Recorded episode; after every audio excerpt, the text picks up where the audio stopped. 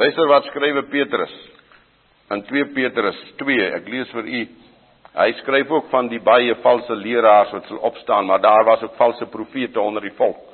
Net soos daar onder julle valse leraars sal wees wat verderflike ketterye heimlik heimlik sal invoer en Jawe sal verloon en 'n verderf oor hulle sal behaal vanaf vers 19. Hulle beloof vryheid aan hulle terwyl hulle self slawe van die verdorwenheid is. Want waar 'n mens deur oorwin is, daarvan het hy ook 'n slaaf geword. Want as hulle nadat hulle deur die kennis van die meester, die saligmaker Yeshua die Messia, die besmettinge van die wêreld ontvlug het, hulle tog weer deur hierdie dinge laat verstrik en oorwin word, dan het hulle die laaste erger geword as die eerste. Want dit sou vir hulle beter wees as hulle die weg van die geregtigheid nie geken het nie. As dat hulle nadat hulle dit weer ken het hulle afkeer van die heilige gebod wat aan hulle oorgelewer is. Maar oor hulle het gekom wat die ware spreekwoord sê die hond het omgedraai na sy eie uitbraaksel en die gevas gewaste sog om in die modder te gaan rol. Geliefdes Dit bring vir ons by hierdie skerp lyn in ons lewe dat ek by waarheid sal bly in my lewe dat ek 'n pad sal kies in my lewe en dan gaan rol ek weer soos 'n vark in die modder nie. Maar dat ons die gees van God sal bid om vir ons vas te hou en vir ons sterk te maak en baie sterk te maak in hierdie tyd. Omdat ons so ver verval het dat ons nie eens meer aldag weet hoe ver ons geskuif het na onwaarheid toe. Dat ons al meer sal terugkeer in leer en in lewe. As Yeshua daardie magtige prediking bring en hy praat oor die laaste dae, dan gaan hy voort. Dan stop hy nie daar nie. Dan sy eerste uitroep nadat hy praat van sy wederkoms. Dan sê hy ons moet waaksaam wees, vers 42 en 44 van Matteus 24. Waak dan omdat julle nie weet watter uur julle meester kom nie. In vers 44 Daarom moet julle ook gereed wees want die seun van die mens kom op 'n uur dat jy dit nie verwag nie. Nou een ek kan nou vanmôre sê ja, ons verwag ons saligmaker. Maar leef ons soos mense wat hom verwag of sê ons dit nie?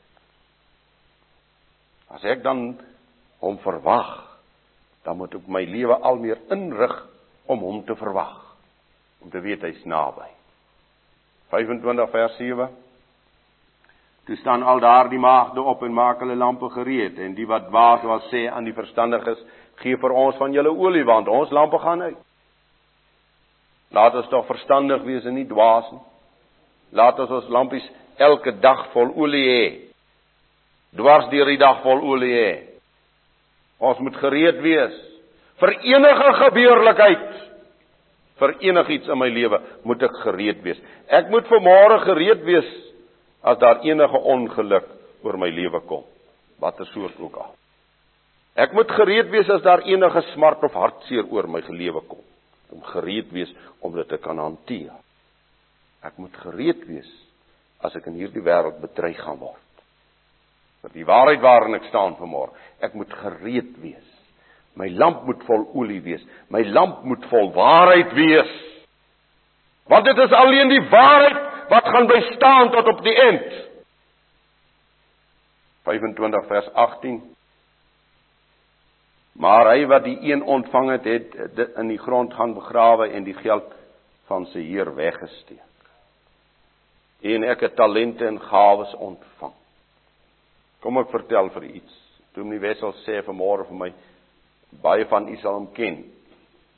'n Sekere ou in vereniging. As jy nou die jong man so kyk, dan sal jy nou nooit dink, gaan nou nie sy naam noem. Dan sal jy nou nooit dink ek ken hom nou persoonlik vanmôre dat hy so iets kan doen. Hy's uit 'n eenvoudige werk op hierdie aarde, baie eenvoudige werk. Werk wat baie van ons seker nie sal wil doen. Maar hy maak mense bymekaar en hy bel daar die predikant en hy sê ek het vir jou 30 mense wat wil luister na hierdie waarheid. Ons het talente en gawes ontvang op ons pad. Ons mag nie een daarvan gaan bære nie. Gaan wegsteek nie. Want Jawe gaan dit van jou eis. Hy gaan dit van jou eis. So seker soos ons dit hier verbond. U en ek aanbid 'n regverdige regter. Hy sal niks gee wat hy nie gaan eis. En jy Israeliet wat so vroeg in jou op hierdie pad die waarheid gekry het, het 'n wonderlike gawe ontvang. Jy moet gaan toets, jy moet gaan ondersoek, jy moet die vaste fondasie onder jou voete kry en jy moet gaan staan in hierdie wêreld. Onwrikbaar sterk. 25 vers 44 Dan sal hulle hom ook antwoord en sê meester wanneer het ons u honger gesien of dors of 'n vreemdeling of naak of siek of in die gevangenis en u nie gedien Jy sien ons het te doen met waaksaamheid, met wysheid en dwaasheid, met met ek het gewerk of het geweier om te werk. Ek het gedien en ek het geweier om te dien. Matteus 25 sluit af om 'n dienaar te wees. Om 'n dienaar te wees vir Jawe, om die deugde van my Skepper te openbaar, soos Petrus skryf in 1 Petrus 2 vers 9, om sy deugde te openbaar. Ek was dors en ek het water gekry. En sover as wat julle dit gedoen het aan een van die geringstes van my, het julle dit aan my gedoen. Het julle my gedien dat ons mekaar in hierdie wêreld sal dien. Hoe is die volk tog verlei? Hoe vals het baie se bestaan geword? Blind geword? Groot is die benoudheid in ons tyd. Baie groot geliefdes.